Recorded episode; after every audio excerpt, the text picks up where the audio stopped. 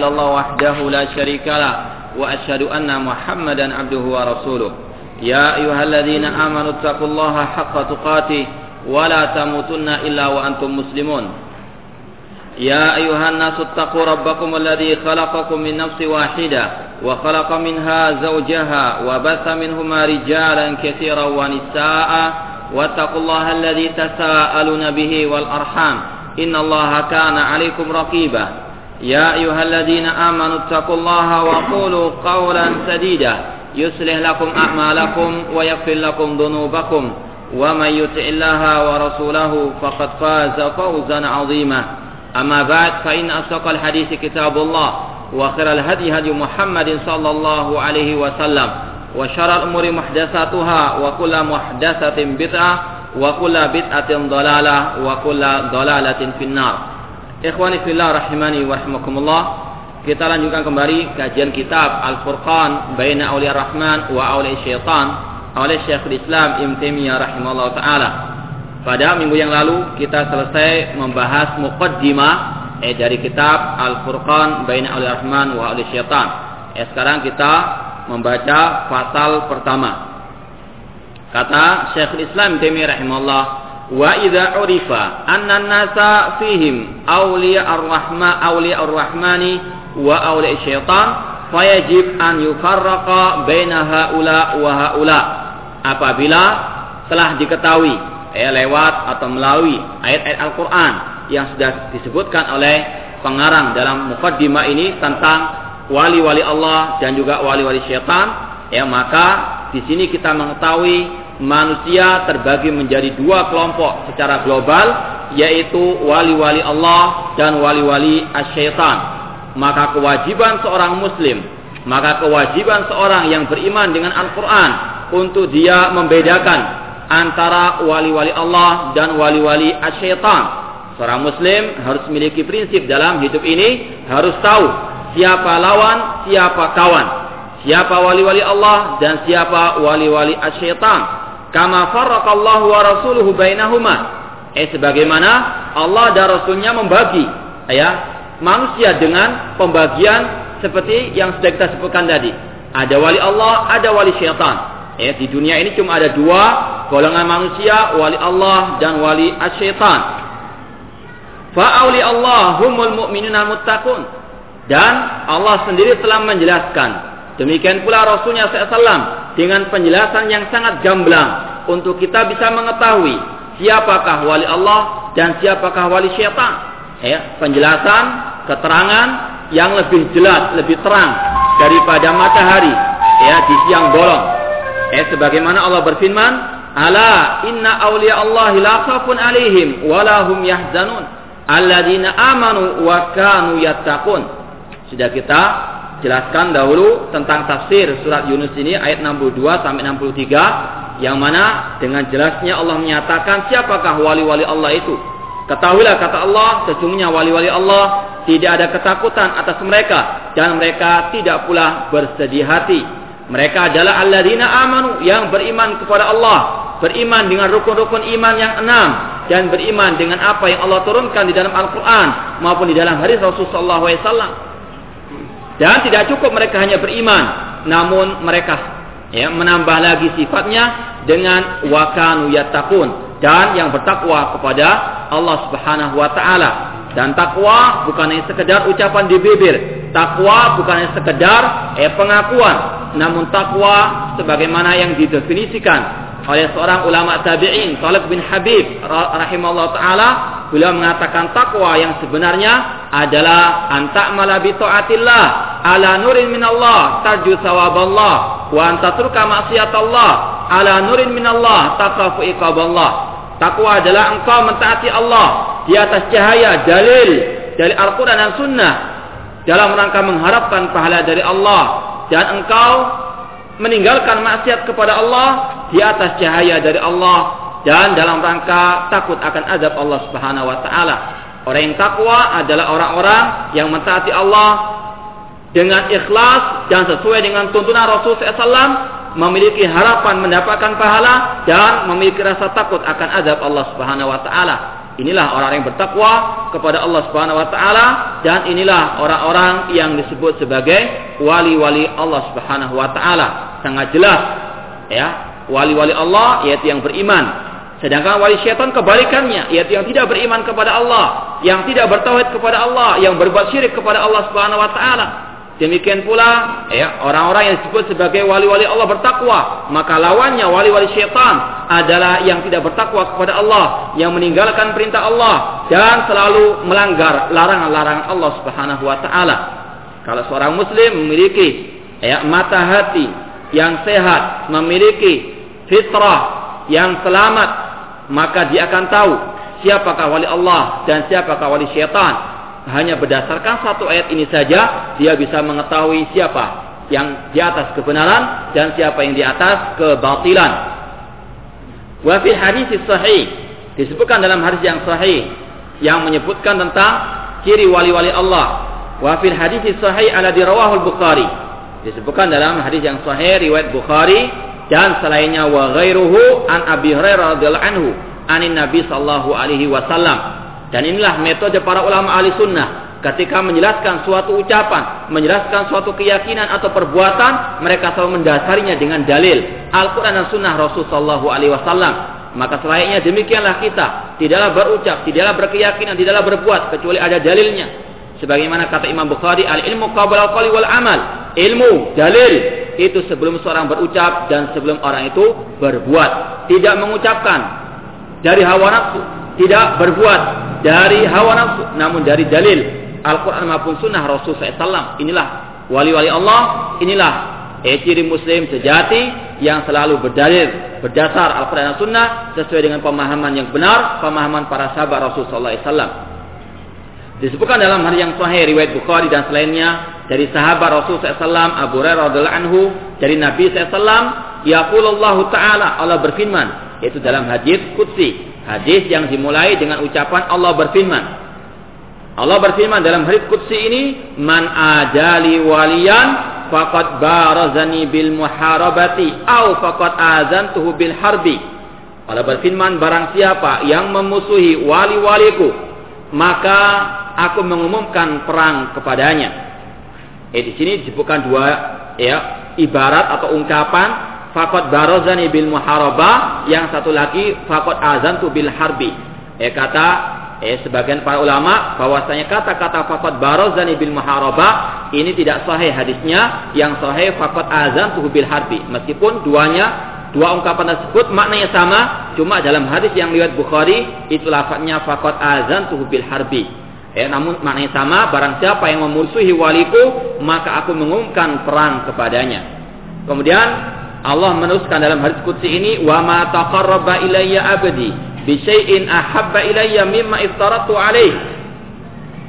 Allah berfirman dan tidaklah hambaku tersebut mendekatkan dirinya kepadaku dengan sesuatu yang lebih aku cintai daripada hal-hal yang aku wajibkan atasnya. Ini ciri wali Allah yang pertama yang disebutkan dalam hadis yang sahih riwayat Bukhari. Ciri wali Allah yaitu yang melaksanakan kewajiban-kewajiban yang ada perintahnya dari Allah Subhanahu wa taala, yang ada dalilnya dari Allah Subhanahu wa taala dan Rasulnya sallallahu alaihi wasallam. Kemudian yang kedua, ciri wali Allah dalam hadis ini wala yazalu abdi yataqarrabu ilayya bin nawafili hatta uhibbahu dan senantiasa hambaku mendekatkan dirinya kepadaku dengan hal-hal yang disunnahkan sampai aku mencintainya. Ini ciri wali Allah yang kedua, yaitu melakukan hal-hal yang disunahkan oleh siapa? Oleh Rasulnya Shallallahu Alaihi Wasallam, tidak mengarang-arang ibadah sendiri. Kemudian Allah berfirman, "Faida ahbabtuhu kuntu sam'au ladzi yasma'u bihi." Apabila aku telah mencintainya, maka aku akan menjadi pendengarannya yang dia mendengar dengannya. Kata para ulama, artinya Allah akan meluruskan pendengarannya. Dia tidak mendengar kecuali sesuatu yang dibolehkan atau yang disyariatkan dan dia tidak mendengarkan sesuatu yang diharamkan oleh Allah Subhanahu wa taala. Wa basara yubsiru bihi dan aku kata Allah akan menjadi penglihatan yang dia melihat dengannya. Kata para ulama artinya Allah meluruskan penglihatannya. Dia tidak melihat kepada sesuatu yang diharamkan. Kemudian wa yadahu lati syubiha Dan jika Allah telah mencintainya, Allah akan menjadi tangannya yang dia memukul dengannya. Artinya kata para ulama, dia tidak menggunakan tangannya kecuali yang dicintai untuk yang diridhai oleh Allah Subhanahu wa taala, bukan untuk sesuatu yang diharamkan. Dan kalau Allah telah mencintainya, Allah akan menjadi kakinya yang dia berjalan dengannya. Kata para ulama, bahwasanya Allah akan meluruskan langkah-langkahnya. Dia tidak melangkahkan kakinya kecuali ke tempat-tempat yang disyariatkan yang tidak diharamkan oleh Allah Subhanahu wa taala. Untuk ke masjid untuk menghadiri majelis ilmu yang dibacakan di dalamnya Al-Qur'an dan Sunnah Rasul SAW kemudian wala in sa'alani la kata Allah apabila hambaku tersebut waliku tersebut memohon kepadaku aku akan memberi. Wala in ista'adzani la dan apabila hambaku beristiazah memohon perlindungan kepadaku aku akan melindunginya wa ma tarajjatu an syai'in ana fa'iluhu taraddudi an nafsi abdi al mu'mini dan tidaklah aku bimbang terhadap sesuatu yang aku harus melakukannya seperti kebimbanganku ya dalam mencabut nyawa jiwa seorang hambaku yang mukmin. Yakrahul mauta dia tidak suka kematian tersebut. Wa akrahu masa'atahu dan aku tidak suka untuk menyakitinya. Wala budda minhu akan tapi dia harus eh, meninggalkan dunia ini Kata Syekhul Islam Taimiyah, "Wa hadza asau hadisin yurwa fil auliya." Ini merupakan hadis yang paling sahih yang diriwayatkan berkaitan dengan masalah wali-wali Allah Subhanahu wa taala. Fabayan Nabi SAW annahu qala man adali man ada aulia Allah faqad barazallahu bil muharabati atau faqad barazallahu bil muharabati. Eh kata Syekhul Islam Taimiyah di dalam hadis tadi Nabi jelas-jelas mengatakan barang siapa yang memusuhi wali-wali Allah, Allah akan mengumumkan perang kepadanya. Dan siapa lagi yang bisa sanggup menghadapi perang terhadap Allah Subhanahu wa taala? Pasti dia akan dibinasakan, pasti dia akan dihancurkan oleh Allah Subhanahu wa taala. Karena Allah ala kulli syai'in qadir, Allahu azizun hakim. Maha perkasa lagi maha bijaksana. Allah syadidul iqab, Allah maha pedih siksanya di dunia maupun di akhirat.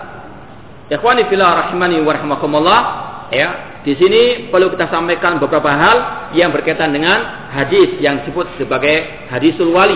Hadis yang berkaitan dengan wali-wali Allah Subhanahu wa taala. Yang pertama Allah mengatakan, barang siapa yang memusuhi waliku, maka aku akan mengumumkan perang kepadanya. Ancaman yang sangat berat di dunia dan di akhirat bagi yang memusuhi wali-wali Allah Subhanahu wa taala. Karena Allah mencintainya, kalau ada orang membencinya, Allah murka kepadanya. Dan Allah Subhanahu wa taala jika telah mengumumkan perang kepada hambanya, cepat atau lambat pasti musuh-musuh wali-wali Allah tersebut akan binasa.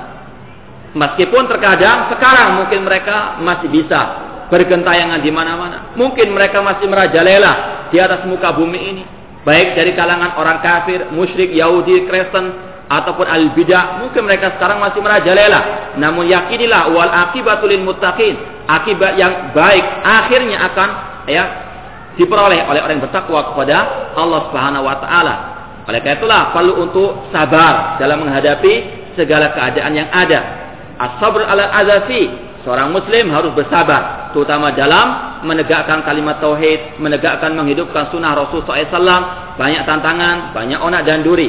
Namun inilah sunatullah di dalam berdakwah. Jangankan kita, Nabi Muhammad SAW yang merupakan orang yang terbaik, merupakan dai yang merupakan suri toladan yang diberikan mukjizat oleh Allah Subhanahu wa taala penuh tantangan dan rintangan maka lebih dari itu ya kita wajib untuk mengikuti jak beliau dalam bersabar dan istiqamah di atas jalan Allah Subhanahu wa taala.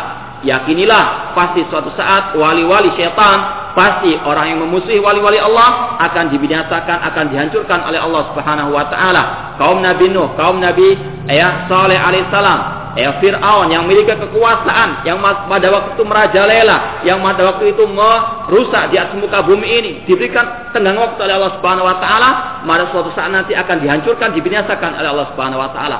Pasti akan datang. Janji Allah pasti akan ditepati janji Allah Subhanahu wa taala tinggal kita yang bersabar tinggal kita istiqomah di atas jalan Allah dan pasti dan yakinilah eh pasti akibat yang baik bagi orang yang bertakwa yang menegakkan sunnah Rasul Shallallahu Alaihi Wasallam. Allah berfirman dalam hadis kudsi ini barang siapa yang memusuhi wali-waliku maka aku akan mengumumkan perang kepadanya. Kemudian Allah menyebutkan siapa wali-walinya tersebut. Wa ma taqarraba ilayya abadi bi ahabba ilayya mimma iftaratu alaih. Ya, dan tidaklah hambaku tersebut atau tidaklah hambaku tersebut mendekatkan dirinya kepadaku dengan sesuatu yang lebih aku cintai dari yang aku wajibkan kepadanya. Ini ciri wali Allah yang pertama, melaksanakan, menjalankan kewajiban-kewajiban yang Allah perintahkan kepadanya. Dan tidak akan mungkin seorang itu menjadi wali Allah kecuali dengan dia belajar apa yang diwajibkan oleh Allah atasnya. Tidak akan mungkin dia bisa melakukan kewajiban-kewajibannya yang diperintahkan Allah Subhanahu wa taala kecuali kalau dia belajar terlebih dahulu.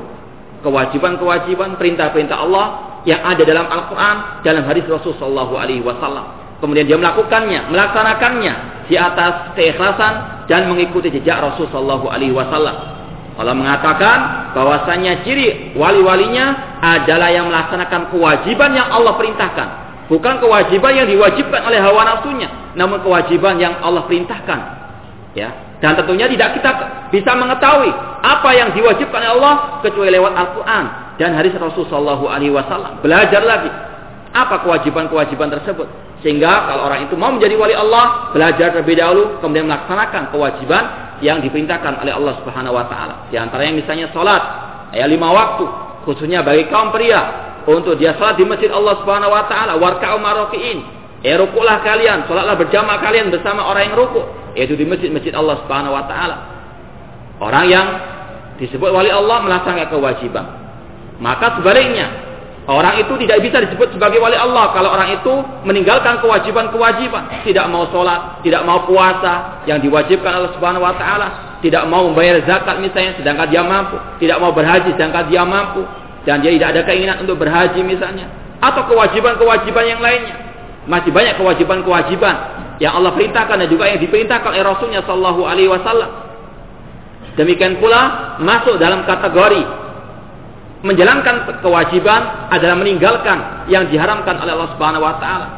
Yang disebut sebagai wali Allah yaitu orang-orang yang betul-betul meninggalkan larangan-larangan Allah dan Rasulnya. Wa ma atakum rasulu wa ma nahakum anhu fantahu. Apa yang Allah, apa yang diberikan oleh Rasul SAW maka ambillah dan apa yang dilarang oleh Rasul maka jauhilah. Jadi wali Allah menjalankan perintah Allah dan Rasulnya dan menjauhi larangan Allah dan larangan Rasul SAW. Tidak mungkin wali-wali Allah itu yang selalu berbuat kemaksiatan, yang selalu berbuat kefasikan, terus menerus melaksanakannya tanpa tobat kepada Allah Subhanahu wa taala. Meskipun kita yakini wali Allah adalah manusia-manusia yang tidak terlepas dari kemaksiatan atau kesalahan atau kekhilafan. Ya, siapa pun orangnya, selain para ambia, ya, mereka tidak maksum. Eh, siapa pun wali Allah, mereka tidak maksum. Pasti suatu saat berbuat kesalahan. Namun, ciri wali Allah bukanlah orang-orang yang terus-menerus berbuat dosa dan maksiat. Sebagaimana Allah berfirman, "Walladzina idza fa'alu fahishatan aw dhalamu anfusahum, dzakarullaha wastaghfaru li dzunubihim, wa may yaghfiru dzunuba illallah wa lam yusiru ala ma fa'alu wa hum ya'lamun." Di antara ciri wali-wali Allah, orang yang beriman dan bertakwa, yaitu orang-orang yang ketika berbuat kekejian, berbuat kezaliman pada diri mereka, mereka langsung ingat kepada Allah, ingat adab Allah. Mereka beristighfar, minta ampun kepada Allah Subhanahu wa taala dan tidak ada yang mengampuni dosa kecuali Allah Subhanahu wa taala dan mereka tidak terus-menerus dalam berbuat dosa tersebut. Ketika berbuat dosa langsung sadar, langsung bertobat kepada Allah. Itu ciri wali-wali Allah Subhanahu wa taala. Bukan orang-orang yang terus-menerus dalam dosa, dalam perzinahan, dalam perjudian, dalam minum khamr atau narkoba dan sebagainya. Ya, wali-wali Allah yaitu yang beriman bertakwa melaksanakan kewajiban dan meninggalkan larangan-larangan yang dilarang oleh Allah dan Rasulnya Shallallahu alaihi wasallam. Dan semua ini tidak akan mungkin terwujud kecuali dengan seorang muslim betul-betul belajar. Apa itu perintah Allah, apa itu larangan Allah, apa itu perintah Rasulnya, apa itu larangan Rasulnya Sallallahu Alaihi Wasallam. Dan dari sini kita mengetahui kita tidak boleh mengatakan ini wajib, ini bukan wajib, ini perintah, ini larangan kecuali dengan dalil. Kecuali kita tahu itu ada perintah Allah, itu larangan Allah. Dari mana? Dari Al-Quran dan Sunnah Rasul SAW. Bukan dari hawa nafsu kita, bukan dari adat istiadat, namun dari Allah. Allah mengatakan dalam hadis tadi, "Mimma iftaratu yang aku wajibkan kepadanya." Kewajiban harus berdasar berdalil Al-Quran dan Sunnah Rasul SAW. Kemudian ciri wali Allah yang kedua, wala yazalu abadi yataqarrab ilayya bin nawafil. Senantiasa hambaku tersebut melaksanakan, menjalankan hal-hal yang disunnahkan ini ciri wali Allah Subhanahu wa taala. Bukan orang yang malas menegakkan sunnah Rasulnya sallallahu alaihi wasallam. Setelah melakukan kewajiban, menjalankan yang sunnah, yang nawafil. Ini di antara makna takwa kepada Allah Subhanahu Wa Taala. Tidak cukup hanya orang itu berbuat kewajiban, namun juga melaksanakan yang nawafil. Ini juga perlu ilmu. Apa yang disunahkan oleh Rasul, apa yang tidak disunahkan oleh Rasul. Kalau dia tahu itu yang disunahkan oleh Rasul, dia berusaha untuk melaksanakannya. Wa ma'atakum Rasul fakutu. Apa yang diajarkan oleh Rasul, jalankanlah, ambillah, ya. Apa pun bentuknya, yang kecil ataupun yang besar. Perkara akidah atau perkara ibadah atau akhlak atau muamalah selama itu ajaran Rasul maka dilaksanakan. Bukan malah yang menentang Rasul Shallallahu Alaihi Wasallam. Ini sangat jelas sekali Rasul mendefinisikan, Rasul menjelaskan dengan gamblang sekali siapa wali-wali Allah Subhanahu Wa Taala. Wali-wali Allah bukan para penentang sunnah Rasul. Para wali-wali Allah bukan orang yang mengolok-olok sunnah Rasulnya Shallallahu Alaihi Wasallam namun yang betul-betul menegakkan kalimat Allah, menegakkan sunnahnya Rasulnya Sallallahu Alaihi Wasallam. Wala yazalu abdi yataqarrab ilayya bin nawafil dan senantiasa hambaku mendekatkan dirinya kepadaku dengan yang nawafil yang disunahkan oleh Rasul SAW sehingga aku kata Allah akan mencintainya. Dan sudah kita jelaskan pada pertemuan yang lalu Allah berfirman, "Qul in kuntum tuhibbunallah fattabi'uni yuhibbukumullah ya wa yaghfir lakum dzunubakum." Katakanlah wahai Nabi Muhammad, jika kalian wahai manusia, wahai kaum muslimin, mencintai Allah, maka ikutilah aku. Maka pasti Allah akan mencintai kalian. Kalau kita menginginkan kecintaan Allah, ya, maka kewajibannya mengikuti Rasul SAW, menjalankan kewajiban, meninggalkan larangan, dan juga menegakkan apa yang telah disunahkan oleh Rasul Sallallahu Alaihi Wasallam. Sampai aku mencintainya. Ya, kecintaan Allah kewalian Allah tidak akan mungkin bisa diperoleh kecuali dengan melaksanakan kewajiban dan meninggalkan larangan, melaksanakan yang disunahkan atau yang mustahab, yang selain wajib. Kemudian faida ahbabtuhu kuntu sam'ahu alladhi yasma'u bihi. Apabila aku telah mencintainya, aku akan meluruskan pendengarannya, meluruskan penglihatannya, meluruskan tangannya, meluruskan kakinya. Tidaklah dia mendengar, tidaklah dia ya, melihat kecuali kepada sesuatu yang hak tidaklah dia memakai menggunakan tangannya atau kakinya kecuali untuk hal-hal yang dicintai dan diridhai oleh Allah Subhanahu wa taala. Kembali kepada permasalahan tadi yaitu selalu dia melaksanakan kewajiban, selalu dia melaksanakan yang disunahkan oleh Rasul SAW, maka Allah semakin menambahkan keimanan kepadanya, semakin menambahkan ketakwaan kepadanya, selalu memberikan hidayah kepadanya. Wa in tuti'u tahtadu. Jika kalian mengikuti Rasul SAW, kalian akan mendapatkan hidayah. Diluruskan langkah kalian oleh Allah Subhanahu wa taala. Demikian pula fa'in amanu bimisli ma amantum bi faqad ihtadau. Jika manusia itu mengikuti imannya para sahabat, maka mereka akan diberikan petunjuk, diluruskan langkahnya oleh Allah Subhanahu wa taala dan itulah wali-wali Allah Subhanahu wa taala. Ini adalah ganjaran pahala khususnya bagi wali-wali Allah di dunia ini mereka akan selalu dijaga oleh Allah Subhanahu wa taala dari fitnah syahwat ataupun fitnah syubhat dan daripada kejahatan musuh-musuh Allah Subhanahu wa taala. Musuh-musuh Allah selalu akan buat makar-makar. Wa makaru wa makar Allah wallahu khairul makirin. Eh mereka musuh-musuh wali-wali Allah itu membuat makar bagi ya Allah Subhanahu wa taala dan bagi wali-wali Allah. Namun ingatlah Allah akan buat makar tipu daya untuk mereka dan Allah sebaik-baik pembuat makar. Ya, kalau musuh-musuh Allah, ya, mereka membuat makar rencana jahat meskipun dengan cara yang tersembunyi, ya, namun ketahuilah, yakinilah Allah juga membuat makar bagi mereka dan Allah akan balas makar mereka cepat ataupun lambat. Kalau mereka diperlambat bukan berarti mereka menang. Ya, dari wali-wali Allah bukan, itu hanya sekadar menang yang semu, menang yang ya tidak kekal abadi. Suatu saat Allah akan menghadap mereka, wallahu khairul makirin Innahum yakiduna kaida wa akidu kaida. Pasti suatu saat mereka akan diminasakan oleh Allah Subhanahu wa taala. Kemudian di antara balasan bagi wali-wali Allah yang melaksanakan kewajiban-kewajiban dan melaksanakan yang sunnah-sunnah, Allah mengatakan wala in sa'alani la Barang siapa atau jika waliku tersebut meminta kepadaku, aku akan memberi. Dan apabila dia meminta pelindungan, aku akan lindungi. Ini merupakan kekhususan, keistimewaan, nikmat yang Allah berikan kepada walinya. Sebagai balasan di dunia ini, Allah menjadikan doa wali-walinya itu mustajab. Kalau seorang muslim mau doanya mustajab, maka ingatlah hadis wali ini. Melaksanakan kewajiban, meninggalkan larangan, dan melaksanakan yang disunahkan oleh Rasulullah SAW menjadi wali Allah dengan ciri-ciri yang telah disebutkan dalam Al-Quran dan juga dalam hadis yang sahih ini. Wali-wali Allah doanya mustajab. Yang disebutkan oleh para ulama eh, ketika mensarah hadis ini eh, dikatakan bahwasanya para sahabat Rasulullah SAW adalah wali-wali Allah Subhanahu Wa Taala. Mereka adalah orang yang bertakwa dan beriman kepada Allah Subhanahu Wa Taala, melaksanakan kewajiban, meninggalkan larangan. Mereka adalah orang-orang yang antusias menjalankan yang disunahkan, yang diajarkan, yang dianjurkan oleh Rasulnya Shallallahu Alaihi Wasallam. Di antara disebutkan di antara wali-wali Allah dari kalangan sahabat yaitu mereka-mereka yang dijamin masuk surga oleh Allah dan Rasulnya yaitu al basaruna bil jannah 10 manusia dari kalangan sahabat yang dijamin masuk surga di antaranya Sa'ad bin Abi Waqqas radhiyallahu ta'ala disebutkan dalam sejarah beliau bahwasanya beliau di antara wali-wali Allah yang mustajab dakwanya, mustajab doanya. Ya disebutkan dalam riwayat Bukhari juga dan juga disebutkan dalam riwayat Shalihin, ya kita dikabulkannya doa uh, Sa'ad bin Abi Waqqas salah seorang yang jauh masuk surga oleh Rasulnya sallallahu alaihi wasallam. Dikisahkan bahwasanya ketika kekhalifahan Umar bin Khattab radhiyallahu taala anhu, eh, beliau diangkat sebagai wali di Kufah. Orang-orang penduduk Kufah mengeluhkan ya, kepada Umar bin Khattab tentang Sa'ad bin Waqqas dengan kedustaan dan kebohongan dengan kedoliman. Ya, penduduk Kufah berbohong kepada Umar bin Khattab mengajukan mengeluhkan tentang Sa'ad bin Waqqas dikatakan Sa'ad bin Sa'ad bin Abi Waqqas tidaklah sholat sebagaimana sholatnya Rasul SAW. Tidak bisa sholat kata mereka. Dan dikatakan dia pemimpin yang tidak adil. Ya, tidak pernah membagi ya harta betul mal dengan adil kepada mereka. Kemudian ketika Sa'ad bin Abi Waqqas ya dipanggil.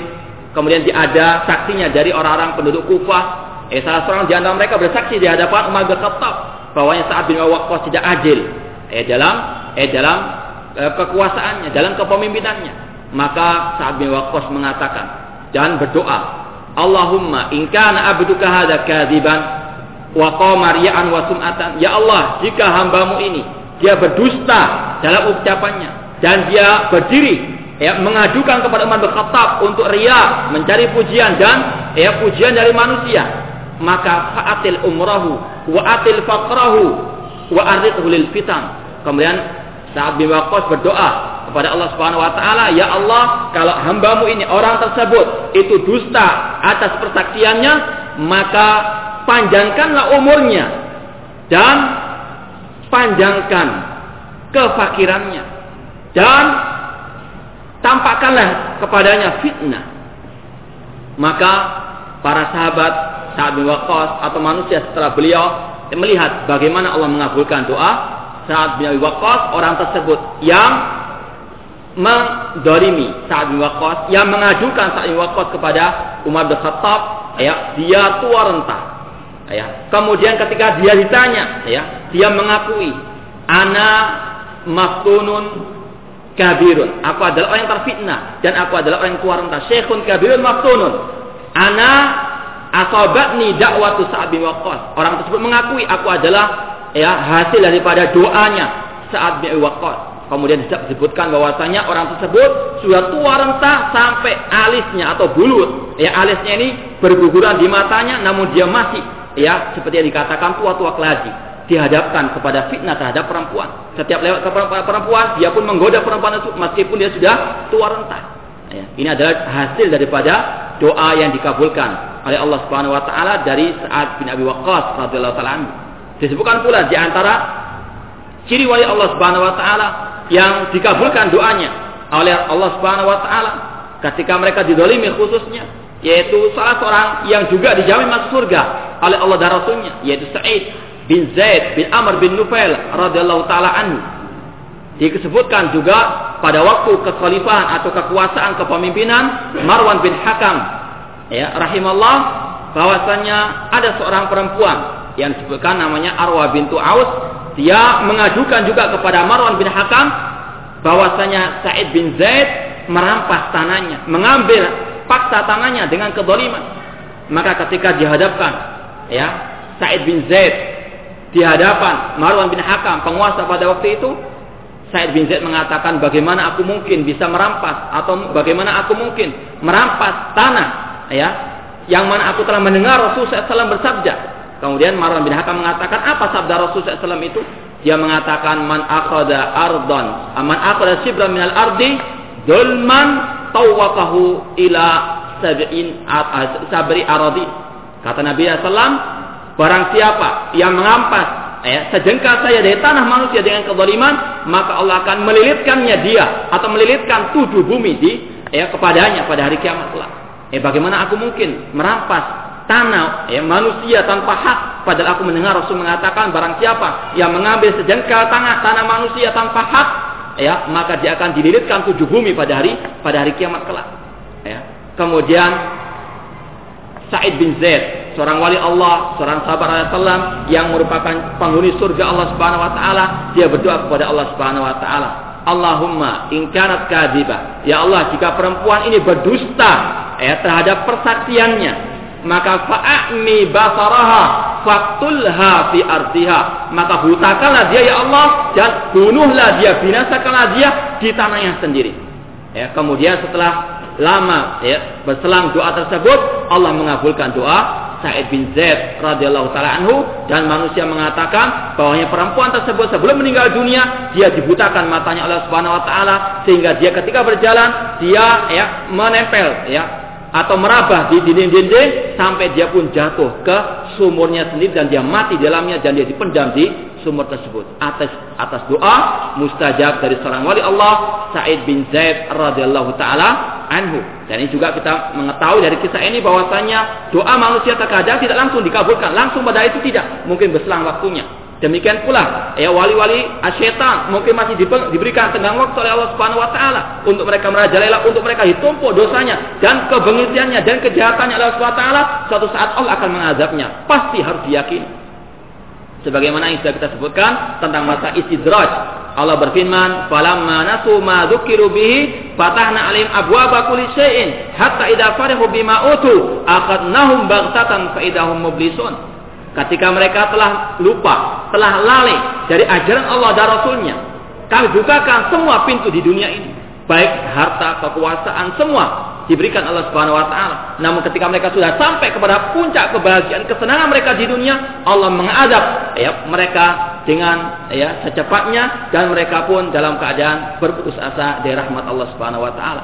Ini adalah ya hadis Allah dari hadis Nabi SAW hadis qudsi yang sudah terjadi ya faktanya pada zaman ya para sahabat Rasul SAW mereka adalah wali-wali Allah karena mereka adalah orang yang bertakwa beriman dan bertakwa kepada Allah melaksanakan kewajiban menjalankan yang sunnah dan mereka pun diluruskan langkahnya pendengarannya penglihatannya dan mereka pun dikabulkan doanya oleh Allah Subhanahu wa taala. Oleh itulah bagi seorang muslim yang menginginkan menjadi wali Allah maka selayaknya untuk dia betul-betul merenungkan dan betul-betul mempraktekkan hadis tentang wali-wali Allah ini. Dalam hadis riwayat Al-Bukhari Kemudian wa fi hadisin akhar disebutkan dalam riwayat yang lain, wa inni la as'aru li auliyai kama yas'aru laitu al harib.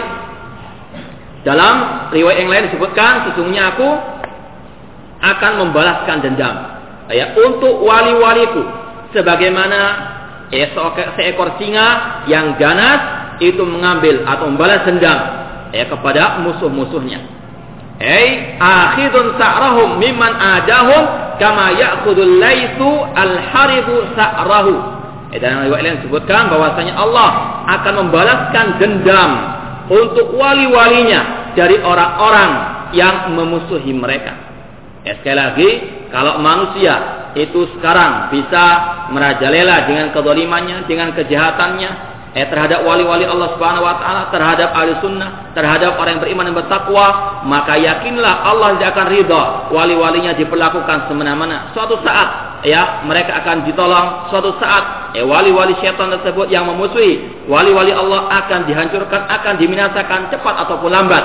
Eh, dan kita berdoa kepada Allah untuk betul-betul Allah ya merasakan menimpahkan kepada musuh-musuhnya azab siksa yang pedih di dunia dan di akhirat sebagaimana Allah ya sebagaimana ya'khudul laysu al-harib ta'rahu sebagaimana seekor singa balas dendam ya atas musuh-musuhnya wa hadza li anna awliya Allah humul ladzina amanu bihi wa walau fa ahabbu ma yuhib ya Allah membalaskan dendam untuk wali-walinya dikarenakan wali-wali Allah mereka adalah orang yang beriman kepadanya. Yang beriman kepada Allah sebagaimana dalam ayat tadi. Wa walau dan berloyalitas kepada Allah Subhanahu wa taala, maka Allah pun membela mereka, Allah pun membalas dendam untuk mereka. Cepat ataupun lambat. Ya, karena mereka beriman kepada Allah dan mereka adalah orang yang berloyalitas kepada Allah, fa ahabbu ma. Mereka pun mencintai apa yang dicintai oleh Allah Subhanahu wa taala. Kecintaan mereka tergantung atas cintanya Allah kepadanya. Tidaklah cinta sesuatu, tidaklah cinta kepada seorang kecuali karena Allah. Karena Allah mencintainya. Wa abghadu ma yubghidu dan mereka pun membenci, memusuhi apa yang dimusuhi, apa yang dibenci oleh Allah Subhanahu wa taala. Selalu seiring dan sejalan dengan apa yang dicintai dan dibenci oleh Allah Subhanahu wa taala. Tidak mencintai, tidak membenci kecuali belajar dahulu, kecuali tahu dahulu apa yang dicintai dan apa yang dibenci oleh Allah Subhanahu wa taala waradu bima yuhibbu an yarda dan mereka tidak meridhoi sesuatu, tidak merestui sesuatu kecuali yang diridhoi oleh Allah Subhanahu wa taala. Semuanya kembali kepada Allah Subhanahu wa taala, kepada ajaran Allah Subhanahu wa taala. Wasakhitu bima yaskhatu dan mereka tidaklah murka, tidaklah marah kecuali apa yang menjadikan Allah murka, menjadikan Allah marah tidaklah membenci sesuatu perbuatan, tidaklah membenci suatu ucapan atau keyakinan kecuali mereka membencinya sesuai dengan apa yang dibenci oleh Allah Subhanahu wa taala. Berdalil berdasar Al-Qur'an dan Sunnah Rasul sallallahu alaihi wasallam. Kecintaannya, kebenciannya bukan karena hawa nafsu, bukan karena fanatik golongan, namun semuanya karena Allah Subhanahu wa taala. Wa amaru bima ya'mur, tidaklah mereka merintahkan kecuali apa yang telah diperintahkan oleh Allah wali-wali Allah, mereka yang memerintahkan kepada tauhid, mereka yang memerintahkan kepada salat, memerintahkan untuk berakhlak yang baik, untuk betul-betul menegakkan kalimat Allah. Karena apa? Allah memerintahkan hal seperti itu, memerintahkan tauhid, memerintahkan kepada salat. Wa nahu ammanaha dan mereka wali-wali Allah tidaklah melarang manusia kecuali dari apa-apa yang telah Allah larang. Mereka melarang dari kesyirikan, mereka melarang dari kemaksiatan, kebid'ahan. Karena apa? Karena Allah melarangnya. Eh semuanya kembali kepada ajaran Allah Subhanahu wa taala. Wa atau liman yuhibbu an yu'ta dan mereka tidaklah memberi sesuatu kecuali kepada orang-orang yang Allah cintai untuk dia diberi. Ya, semuanya kembali kepada Allah Subhanahu wa taala. Wa mana umma an yamna. Ya, dan mereka wali-wali Allah ahli sunnah wal jamaah mereka tidak mencegah tidaklah menghalangi kecuali apa yang Allah cintai untuk dihalangi sesuatu tersebut ya ahlu sunnah menghalangi manusia untuk berbuat kesyirikan. Ahlu sunnah wali-wali Allah menghalangi manusia untuk berbuat kebid'ahan karena apa? Karena Allah yang mencegah tersebut. Karena Allah yang ya yang mengajarkan hal tersebut. Kama fi Tirmidzi wa ghairi sebagaimana yang diriwayatkan dalam Sunan Tirmidzi dan selainnya ani Nabi SAW dari Nabi SAW annahu qala bahwa saya Nabi SAW bersabda awsaqu iman al-hubbu fillah wal bughdhu fillah eh sekuat-kuat tali keimanan adalah cinta kepada Allah atau cinta karena Allah dan benci karena Allah Subhanahu wa taala. Wa fi hadisin akar di dalam hadis yang lain rawahu Abu Dawud diriwayatkan Imam Abu Dawud wa qala man ahabba lillah wa abghada lillah wa a'ta lillah wa manillah faqad istakmala iman Barang siapa yang cinta karena Allah, yang benci karena Allah, memberi karena Allah dan mencegah karena Allah, maka dia telah menyempurnakan keimanan. Ya, iman seorang muslim bukan hanya ucapan di bibir, bukan hanya keyakinan dalam hati, harus ada perwujudan realisasinya dalam kehidupannya, yaitu dia mencintai karena Allah, bukan mencintai seseorang karena kedudukannya, bukan mencintai seseorang karena hartanya, namun karena Allah, karena orang itu beriman kepada Allah, karena orang tersebut beribadah kepada Allah, tidak menyekutukan Allah dan dia menegakkan sunnah Rasul SAW. Dan wali-wali Allah, orang mukmin sejati tidaklah membenci kecuali karena Allah. Karena orang tersebut berbuat syirik kepada Allah, karena orang tersebut melanggar perintah Allah, menjauhi atau melanggar perintah Allah, melanggar larangan Allah Subhanahu wa taala, maka dibenci oleh wali-wali Allah Subhanahu wa taala. Eh semuanya tidak karena hawa nafsu, bukan karena fanatik golongan, namun karena Allah, lillahi wa fillah, karena Allah dan di jalan Allah Subhanahu wa taala. Dan dia tidak memberi sesuatu kecuali karena Allah Subhanahu wa taala dan tidak mencegah kecuali karena Allah Subhanahu wa taala. Maka itulah orang-orang yang sempurna imannya. Ini jelas ya menjelaskan tentang ciri wali-wali Allah yang sudah dijelaskan dalam ayat surat Yunus tadi bahwa wali Allah yang beriman. Ya, apa ciri wali apa ciri orang yang beriman tadi? Ya tidak membenci, tidak mencintai, tidak memberi, tidak melarang kecuali karena Allah Subhanahu wa taala. Dan sekali lagi semuanya ini butuh ilmu.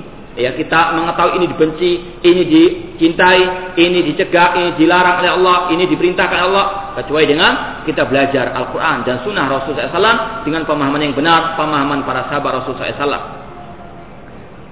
Kemudian disebutkan di sini wal wilayatu jidul adawah. Ya, kemudian Syekhul Islam Taimiyah rahimahullah menjelaskan tentang definisi kewalian atau al-wali secara bahasa.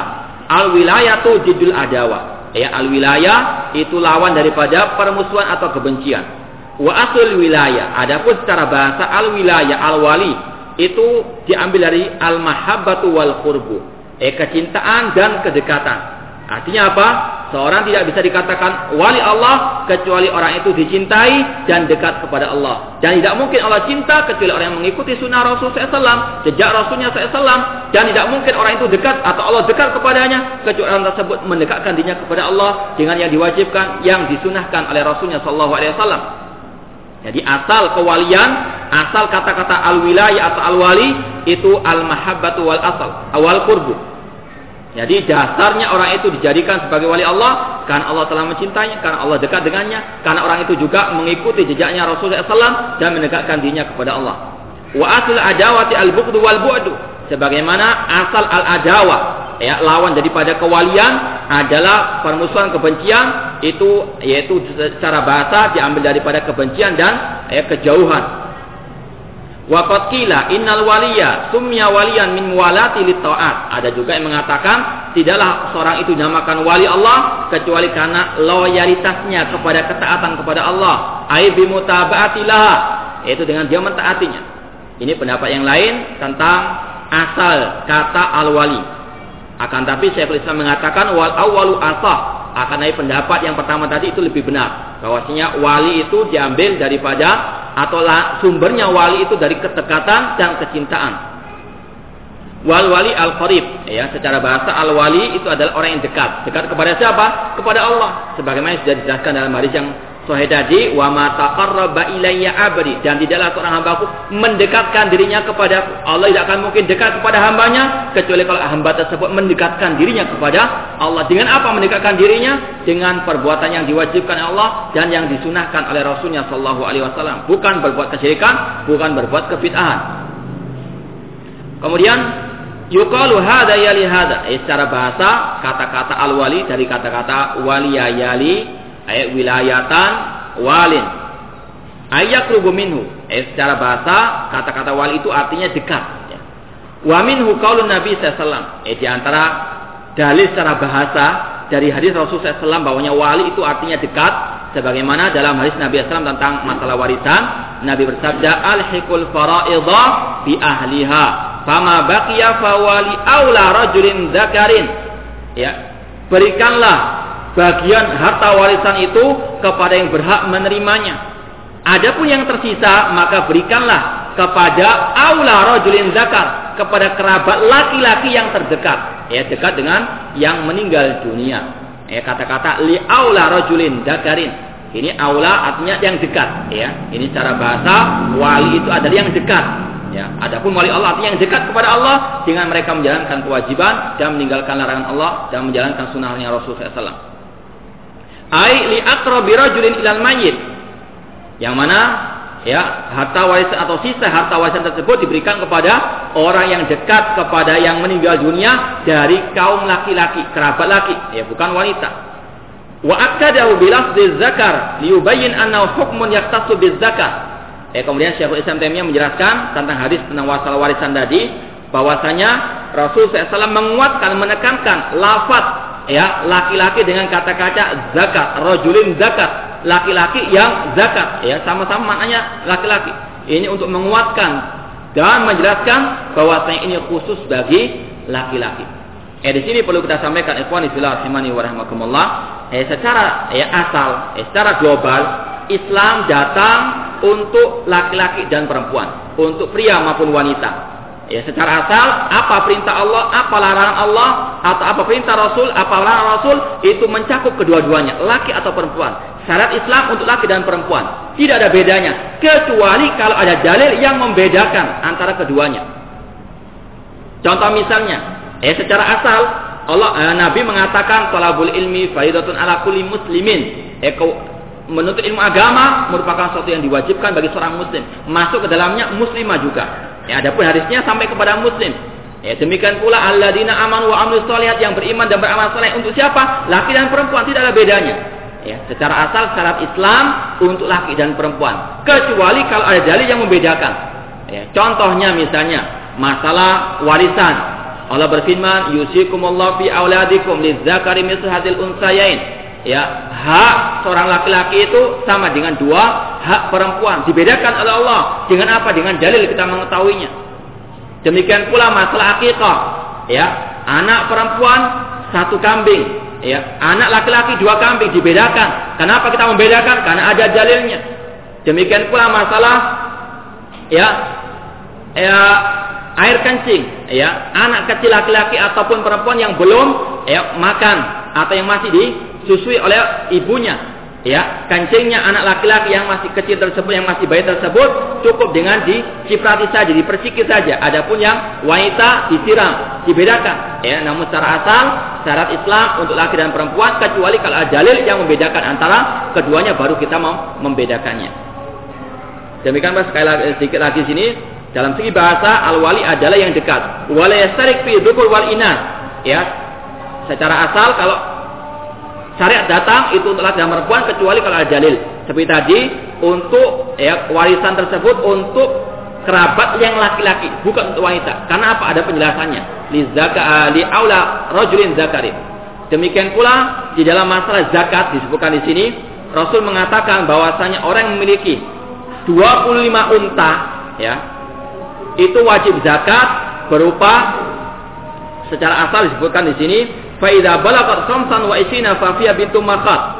Bahwanya kalau orang itu memiliki 25 unta, maka kewajibannya mengeluarkan zakat berupa satu ekor unta betina yang usianya sudah setahun.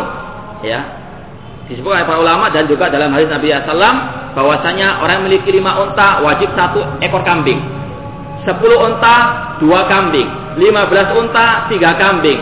Kalau untuk empat unta atau 20 eh, onta mengeluarkan zakat 4 kambing. Adapun kalau sudah sampai 25 mengeluarkan satu ekor betina unta, unta betina yang berusia ya satu tahun. Kalau tidak ada disebut oleh Nabi SAW kalau tidak memiliki ya satu ekor betina unta yang usianya satu tahun maka boleh ya mengeluarkan zakatnya ibnu labunin zakat yaitu satu ekor onta jantan yang usianya sudah dua tahun. Ya kalau nggak ada unta betina yang umurnya satu tahun maka boleh yang jantan dua tahun umurnya. Ini disebutkan di sini intinya Ibnu Labun Zakarin. Rasul menguatkan, menekankan, membedakan yang dikeluarkan itu unta dua tahun usianya, namun yang jantan bukan yang betina. Ini sekadar ya apa namanya bukti-bukti dari secara bahasa bahwanya al wali itu adalah orang yang dekat. Ya dekat kepada siapa? Kepada Allah Subhanahu wa taala. Insya Allah kita lanjutkan pada akan datang dan ya diumumkan bahwasanya kajian kita hari Jumat di Ampel Makmur untuk ya eh, akan diliburkan untuk waktu yang tidak ditentukan. Wallahu taala alam wa da'wana alhamdulillah alamin. Wassalamualaikum warahmatullahi wabarakatuh.